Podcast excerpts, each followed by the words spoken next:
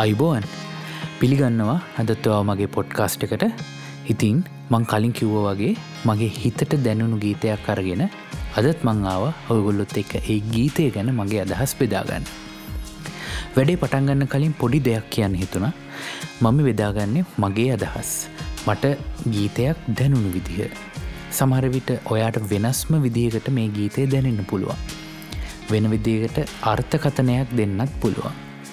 ඔයාට මට දැනෙන විදියට වඩා වෙනස් විදිකට ගීතයක් කියවන්න පුළුවන්න එහෙම අදහස් බෙදාගන්න මං හරිම කැමති. ඉතින් ඒවගේ වෙනස් අර්ථකතනයක් මේ ගීතය ගැන ඔයාට තියෙනවනම් ඒව මාත් එක්ක බෙදාගන්න කොහොමද. ම හරියටම ඒ ගැන පොඩ්කාස්ට් එකේ අවසානයට කියන්නම්. හරි වැඩිය කල් නොයව වැඩේ පටන්ගමු. බලමු මොකක්ද අද මම තෝරගත්ත ගීතය කියලා.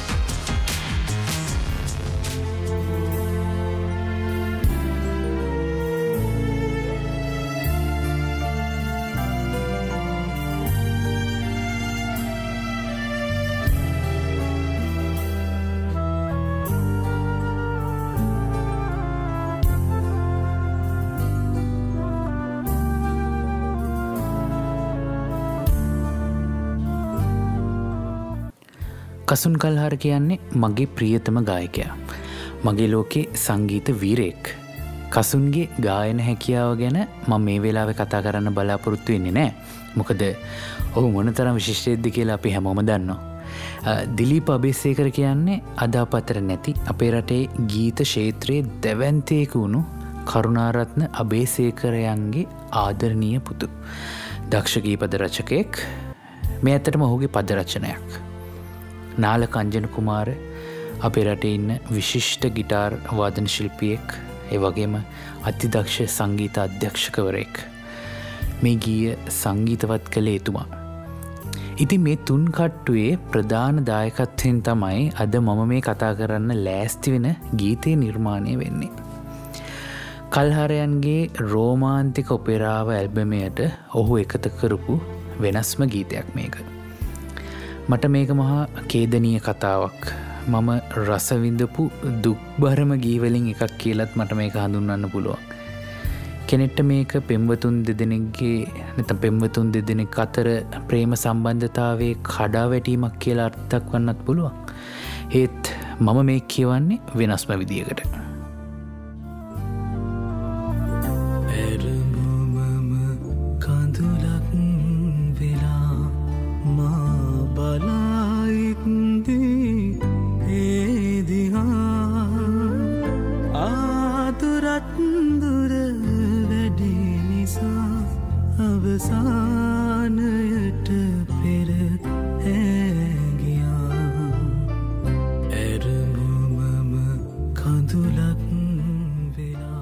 මම අර්ථකථනයක් දෙන්නේ මේ ගීතය ප්‍රේමවන්තිය අවාසනාවන්ත ලෙස ජීවිතයෙන් සමු ගැනීමක් විදියට. සමහරවිට මේ දෙන්න යම් කාලයක් ඇසුරු කරලා විවාහ වෙලා එකට ජීවිතේ පටන්ගත්ත අලුතම වෙච්ච අවාසනාවන්ත සිදුවීමක් වෙන්නත් පුළුවන්. ඇරඹුමම කඳුරක් කියල මම දකින්නේ ඒකයි. ඔහු අසරණයි.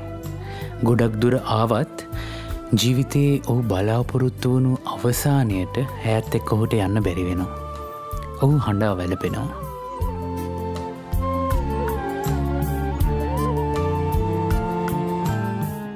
එතනින්දං ඔහුගේ ජීවිතය හරිම දුක්බරයි.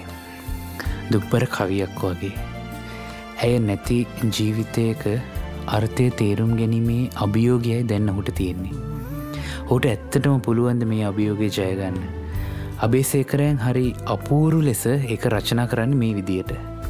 කෙනෙක් කවියක් ලියනවා. පදපේලි තිබුණත් ඒ පේලිවල අවසානයක්නේ. අසම්පූර්ණ නිසා අර්ථයක් ගල්පගන්නත් බෑ.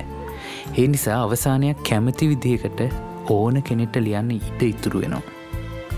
මේ අවස්ථාවේ ඒක ලියන්න ඇය ඔහුට ඉතුරු කරලයනවා. දුක්බරම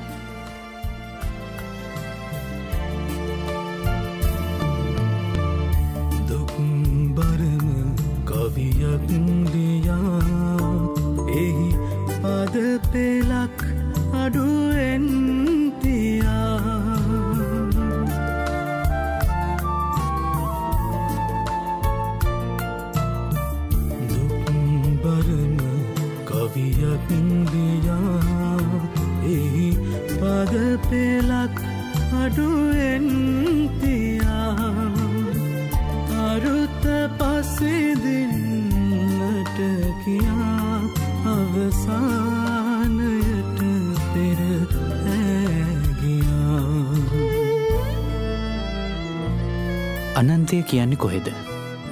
අපි දන්න හැටියට අනන්තය කියන්නේ එතරක් නැත්තං අවසානයක් පේෙන් නැති තැනකට. කසුම්ම තමයි මීට අවුරුදු ගණනාවකට පෙර අනන්තයට යන පාරගෙන අපිට කිව්වේ.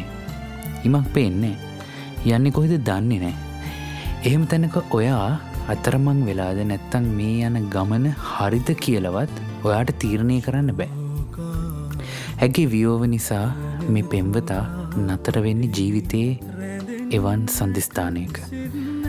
දුක නිසා ජීවිතය කඩං වැටුනත් දුක්බර අවසානයකින් පසු නැවතත් ජීවිතය පටන්ගන්න හිතුවත් ඕ අතරමං වෙන්නේ අනන්තයලක තුරා එහි රැඳෙන්නට සිත් නැතිනියා